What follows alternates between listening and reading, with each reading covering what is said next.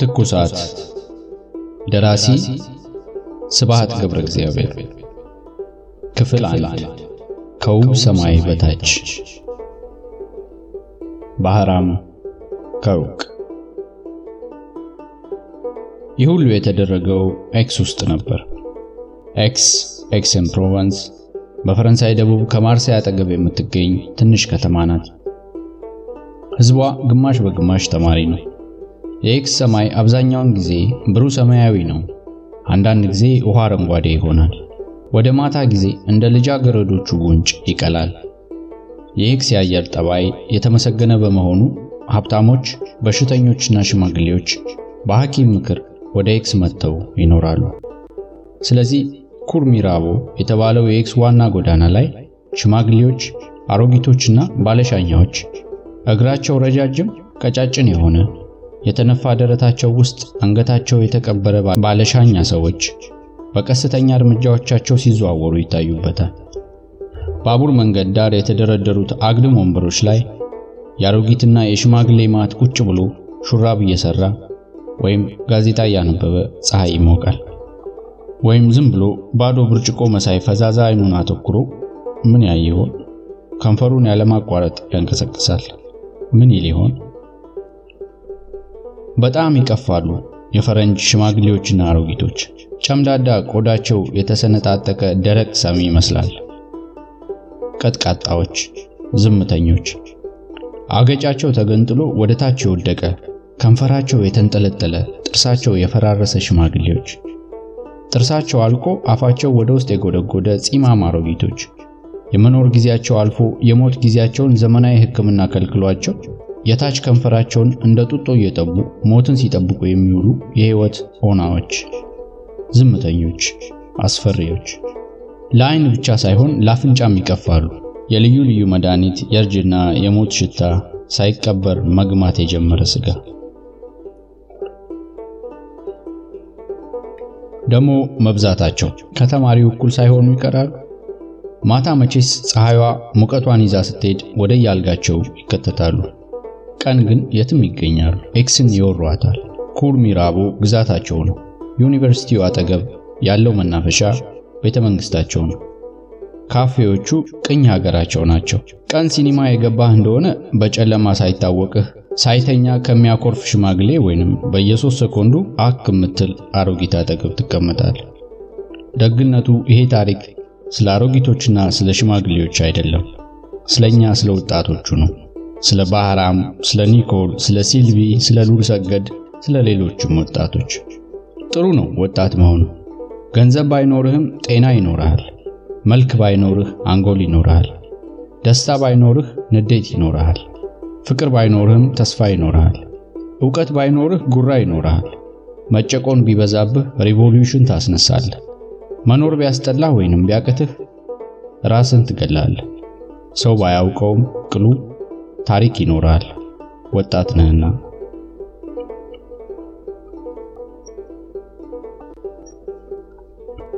የኤክስ የበጋ ሙቀት እየከበደኝ አላሰራ ስለሚለኝ ከሰዓት በኋላውን ተኝቼ ውዬና ሌሊት ስሰራ ለማደር እሞክራለሁ። አንዳንድ ጊዜ ሌሊት ስራው እምቢ ሲለኝ ከሆቴሌ ወጥቼ በእግሬ እዘዋወራለሁ። ደስ ይለኛል በሌሊቱ ኤክስን መዞር። ትንሽ ከተማ ስለሆነች ሰባት ሰዓት ሲደርስ ሁሉ ነገር ተዘግቷል ከካፌ ሰንትራ እና ከላፓሌት night club በቀር። ቀን በቀን ጠባቦቹን መንገዶች የሚያጨናንቃቸው ሕዝብ በሙሉ ተኝቷል። ቀን የሚያስፈሩኝ መምጫቸው የማይታወቅ ያበዱ የፈረንሳይ ነጂዎች በያልጋቸው ተከተዋል። ኤክስን ፕሮቨንስ ሰላም ነው። ቤቶቹ ሁሉ ጨልመው የመንገድ መብራቱ በርቶ በጸጥታው የጫማዬን ድምፅ ብቻ እየሰማሁ ስራመድ ባዶ ከተማ ውስጥ እንዳለሁ ሆኖ ይሰማኛል። አልፎ አልፎ በየአደባባዩ የሚገኙት ሰው ሰራሽ ምንጮች ወደ ኮከቦቹ በኩል እየዘለሉ ከሌሊቱ ጋር ይንሾካሾካሉ። አንድ ሌሊት ወደ ስምንት ሰዓት ላይ አንዱን መንገድ ይዤ ስራመድ ቆይቼ ወደ ግራ በኩል ስታጠፍ ከፊቴ አራት የሚታገሉ ፈረንጆች ድንገት ብቅ አሉ። ብቅ ያልኩትስ እኔ ነበርኩ፣ ግን እነሱ ብቅ ያሉብኝ መሰለኝ። በበጋው ሙቀት ምክንያት አራቱም በሸሚዝ ናቸው፣ ይታገላሉ። በሌሊቱ ጸጥታ ጫማዎቻቸው ከአስፋልቱ ጋር ሲፋተጉና ትንፋሻቸው ሲቆራረጥ ይሰማል። ለጊዜው ማን ከማን ጋር እንደሚታገል ለማወቅ አልቻልኩም። ዝም ብዬ ስመለከት ሶስት ግዙፍ ሰዎች አንዱን ደቃቃ ቢጤ ገጥመውት ኖሮ ከጥቂት ትግል በኋላ ሁለቱ በቀኝና በግራ በኩል ያዙት። ሶስተኛው ከፊቱ ቆመ። ሁሉም ቁና ቁና ይተነፍሳሉ። ደቃቃው ሰውዬ ይፍጨረጨራል፣ ግን ድምፅ አያሰማም። ለምን ኡኡ እንደማይል እንጃለት። ከፊት የቆመው ግዙፍ አንዴ በጥፊ መታውና ዞር ብሎ አጠገባቸው ካለው ግድግዳ ስር አንድ ትንሽ ነገር አንስቶ መጥቶ በጨበጠው ነገር የትንሹን ሰውዬ ግንባር ፈተገው። ትንሹ ሰውዬ ተፋበት። ግዙፉ በሹክሹክታ እየተሳደበ ወይንም እየተራገመ ከሱሪ ኪሱ መሐረብ አውጥቶ ፊቱን ጠረገና ሲያበቃ ደቃቃውን አንድ ቃሪያ ጥፊ አላሰው። ጥፊው ጧ ሲል ቀሰቀሰኝ። ገና አሁን ከመፍዘዜ ነቃው። ዞር ስል አጠገቤ ለመንገድ መጠገኛ ይሁን ለቤት ማሰሪያ የተከመረ ኮረታየሁ። በፍጥነት አንድ ሰባት ከባድ ጠጠር አነሳሁና እያነጣጠርኩ ሰዎቹ ላይ መወርወር ጀመርኩ። ስወረውር የአበሻ ነገር የሚል ሐሳብ በኃይል አሳቀኝ። ከትከት ብዬ እየሳኩ የወረወርኳት ድንጋይ ሶስተኛዋ በጥፊ ተማቹን ሰውዬ ደረቱን ደለቀችው። አራተኛዋ የአንዱን ትከሻ መታች። ድንጋዩና ሳቁ አስደንግጧቸው ትንሹን ሰውዬ የለቀቁትና ተፈተለኩ። ለምራቂ ያህል እጄ ውስጥ የቀሩትን ድንጋዮች ወረወርኩባቸው። በድንጋዮቹ ሸኝነት ጥቂት እንደሮጡ ወደ ቀኝ ታጠፉ፣ ጠፉ። ሳቄም በድንገት ጠፋ። የፍርሃት ሳቅ ኖሯል። አጠገባችን ምንጭ ሰማሁ። ለካስ ፕላስ ዴ ካተር ዶፈን በተባለ አደባባይ ውስጥ ነን። ትንሹ ሰውዬ ግራ ገብቶት መንገዱ መሃል ቆሞ እኔን ያየኛል። እጄን እያራገፍኩ ወደሱ ሄድኩ። ይህን ያህልም ደቃቃ አይደለም፣ ከኔ ትንሽ ተለቅ ይላል። ደቃቃ የመሰለኝ ጠላቶቹ በጣም ግዙፍ ስለነበሩ መሆን አለበት። Bonjour አልኩት። Bonjour አንተ ነህ እንዴ? ኃይለ ሥላሴ ሙት አለኝ እየሳቀ። ባህራም ነው። ከዚህ በፊት ከአበሾቹ ጋር ብዙ ጊዜ አይቼዋለሁ፣ ግን ያን ጊዜ የሀገሬ ልጆች በብዙ ስለማልጠጋቸው ይህን ባህራምን ተዋውቄው ወይንም አናግሬው አላውቅም ነበር። ድምፁ ወፍራም ሆኖ ደስ ይላል። ፈረንሳይኛው የፈረንሳዮቹ አይደለም። መልኩ ግን ትንሽ የደቡብ ፈረንሳዮችን ይመስላል። ፊቱ በጣም ነጭ አይደለም። ጸጉሩ በጣም ጥቁር ነው። ኃይለ ሥላሴ ሙት ያለኝ ሀበሻ መሆኔን ስላወቀ ነው። አብሯቸው የሚሄደው አበሾች ብዙ ጊዜ ኃይለ ሥላሴ ሙት ሲሉ ሰምቷል። ኢትዮጵያዊ መሆኔ እንዴት አወቅ አልኩት። ኧረ ስምህንም አውቀዋለሁ ከነ ተመስገን ከነ ልዑል ሰገድ ጋር ነው የምውለው። ከፈረንሳይ ሕግ ጋር ስንዳረቅ እንውላለን። ከሩቅ ብዙ ጊዜ አይቻለሁ። ይሄ ምንድን ነው አልኩት። ግንባሩ ላይ በከሰል ር የሚል ፊደል በጥቁር ተጭሮበታል። የተጫረበት ቦታ ግንባሩ ቀልቷል። አሁን ነው የተጻፈብኝ። ቆይ እስኪ አለና ከኋላ ኪሱ ቦርሳ አውጥቶ በዚያ ውስጥ ባለች ትንሽ መስታወት ፊቱን አየ፣ ሳቀ። ከኪሱ መሐረብ አውጥቶ ከሰሉን ከግንባሩ እየጠረገ ይሄ ፊደል ሲ ነው ኮሚኒስት ማለት ነው አለኝ። ፈረንሳይኛው ብዙ የሰዋሰው ስህተት አለበት። ኮሚኒስት ነህ ማለት ነው አልኩት። መሐረቡንና ቦርሳውን መልሶ ኪሱ እየከተተ ኃይለ ሥላሴ ሙት ለራስህ ተመልከት አለና ወደ ግድግዳው ጠነቆለ። ግራጫው ግድግዳ ላይ በትልቁ ከሩቅ እንዲታይ በከሰል የተጻፈ አነበብኩ።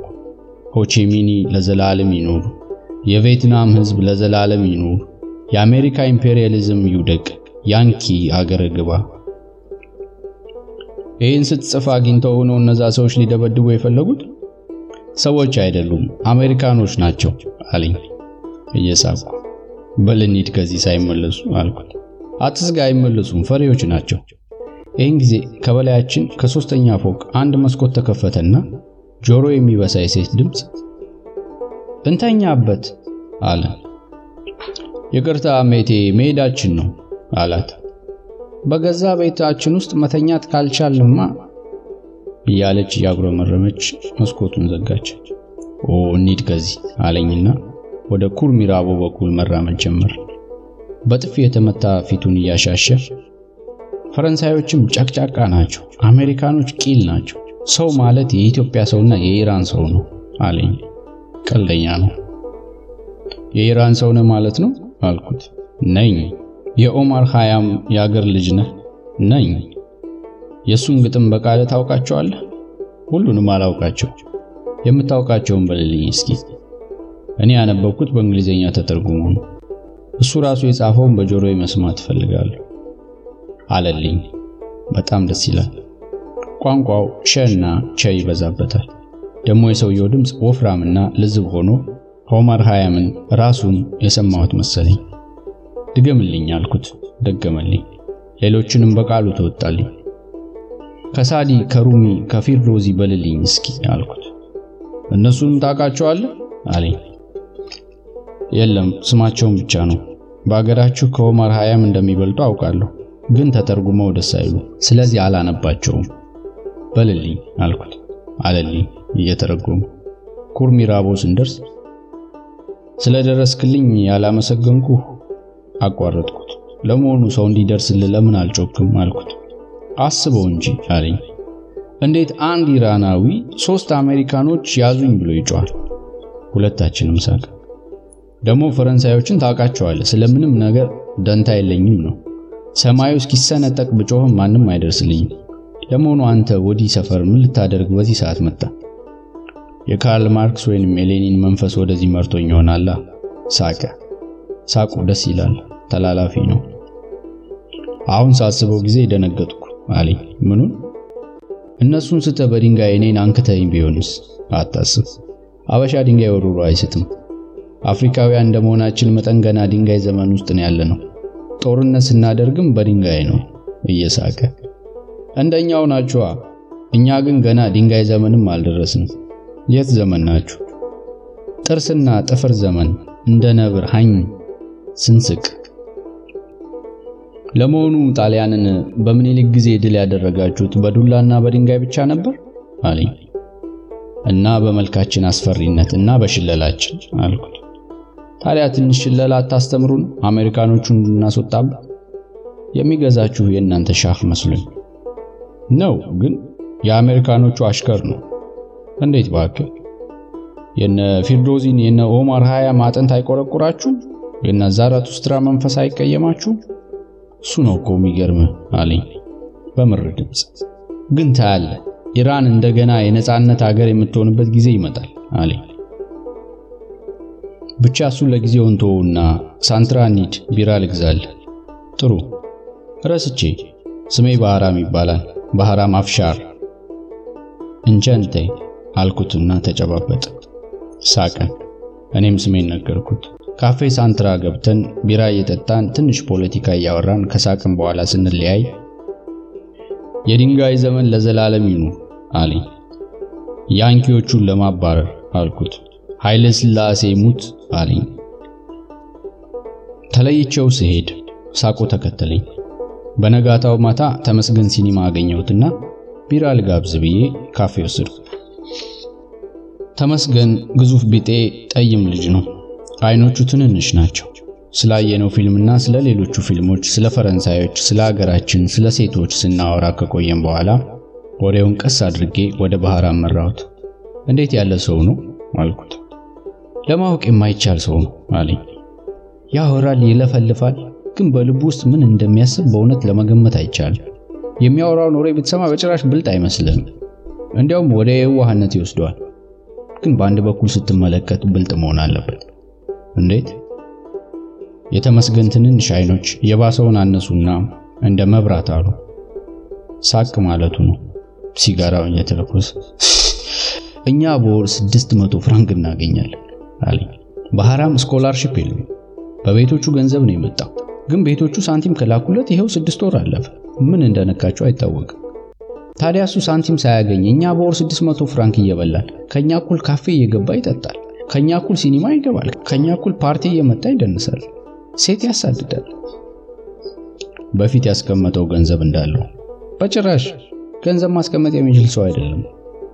ታዲያ ገንዘብ ከየት ያመጣል? ተመስገን ጠይም ፊት ላይ የማፈርና የመሳቅ ፈገግታ መጥቶ አይኖቹን ሸፈናቸው። እኔ ያበደርኩት እስካሁን ከ200 ፍራንክ በላይ የሆነ ሉል ሰገድ 150 ያህል አበድሮት፣ ሌሎቹም አበሾች እንደየአቅማቸው አዋጥተዋል። ተካ ግን ከ30 ፍራንክ በላይ አልገብርም አለ። ምን ነው አለ። ምን መጣብኝና ለማንም አቃጣሪ አረብ ገብራለሁ አለ። ለምን አቃጣሪ ይለዋል? ከሴቶቹ ጋር ያየዋል። ደግሞ ቤቶቹ ገንዘብ ሳይልኩለት ከኛ እኩል ይኖራል። ስለዚህ አቃጣሪ መሆን አለበት። ሌላ ማስረጃ ሊኖር አይችልም? ቢኖርስ ተካን እንዴት ልታስረዳው ትችላለህ? አቃጣሪ አረብ ነው ካለ አቃጣሪ አረብ ነው ማለት ነው። በቃ ተው አረብ አይደለም የኢራን ሰው ነው ብንለውም አረብ ነው ብሎ ድርቅ አለ። አንተስ አቃጣሪ ይመስላል? አይመስለኝም። ግን እኛ ያበደርነው አንድ አራት መቶ ፍራንክ እንኳን ለስድስት ወር ለአንድም ወር አይበቃውም ይመስለኛል። ሴቶቹ በብዙ ያግዙታል። ለምሳሌ የምግብ ቲኬቱን የምትችልለት ኒኮል ነች። አንዲት አጠር ያለች ጥርሷ እንዳይጥ ጥርስ የተዘረዘረ ጸጉሯ አቧራ የተነሰነሰበት የሚመስላለች እሷ ናት። ደግሞ በወር ዘጠና ፍራንክ ተከራየው ቤት አለው። ባለቤትየው መቼስ ስድስት ወር ሙሉ ዝም የሚለው አይመስለኝም። ታዲያ ኪራዩን ከየት አምጥቶ ይከፍላል? ሴቶቹ ይከፍሉለት ይሆናል ብዬ አስባለሁ። ማን? ኒኮል ወይ ኒኮል ወይ ሌላ ማት ሴቶች አሉት። ምኑ እንደሆኑ እንጃ። ብቻ ምን ልበለ ስለ ባህራም ለማወቅ አይቻልም። ሌሎቹንም ኢትዮጵያውያን ስለ ባህራም ብጠይቃቸው በሌላ አነጋገር ይህንኑ ደገሙልኝ። ተካ ስለ ባህራም ነግሮኝ ሲጨርስ ጥፍሮቹን እየነከሰ ገንዘብ እንዳታበድረው ተጠንቀቅ አለኝ። እነ ሉል ሰገድ የፈለጉትን ያህል ይገብሩለት። ሉል ሰገድ አባቱ ሀብታም ነጋዴ ናቸው። ከኢትዮጵያ ሕዝብ ያጭበረበሩትን ገንዘብ ጥቂቱን አንድ ምስኪን አረብ ቢጠቀምበት ምንም አይደለም። ተመስገንም አባቱ ሚኒስቴር ናቸው። ከሕዝብ የቀሙትን ገንዘብ እንደ ልብ ሊልኩለት ይችላሉ። ስለ ባህራም ይስጠው። አንተ ግን የኔ ቤት ሄዳ ነህ፣ እንዳትታለል ተጠንቀቅ። ይሄ ባህራም ዋና ጨበርባሪ ነው። ይህም ባህራም ለማወቅ ፈለግኩ። ራሴን ለወደፊት ደራሲ ለመሆን ካቀድክ እንደ ባህራም ያለ ሰው ሲያጋጥምህ በተቻለ መጠን ልታውቀው መጣር አለብህ አልኩት። ሰውን የምናውቀው ስለ ራሱ የነገረን እንደሆነ ነው። ግን ከጠየቅነው አይናገርም። ቢናገርም እውነቷን ፍርጥ አድርጎ አይደለም። ስለዚህ መታገስ ያሻል፣ ጊዜ መጠበቅ። አንድ ሰዓት ትመጣለች፣ ሰውየው መናገር የሚፈልግባት ሰዓት። መቼ እንደምትመጣ ለማወቅ አይቻልም፣ ግን መምጣቱ አይቀርም። ስለዚህ ዘወትር ዝግጁ መሆን ያሻል። ዞሮ ዞሮ የኔና የባህራም መተዋወቅ እንደማይቀር እርግጠኛ ስለነበርኩ ነው መሰለኝ ላውቀው በጭራሽ አልቸኮልኩም። ብቻ እሱ ስለ ራሱ በሚነግረኝ ጊዜ ንግግሩ በደንብ እንዲገባኝ በማለት ሌሎቹ ስለ እሱ ምን እንደሚያስቡ እጠይቅ ነበር። በዚያውም እነሱን ራሳቸውን ትንሽ ትንሽ አውቃቸው ጀመር።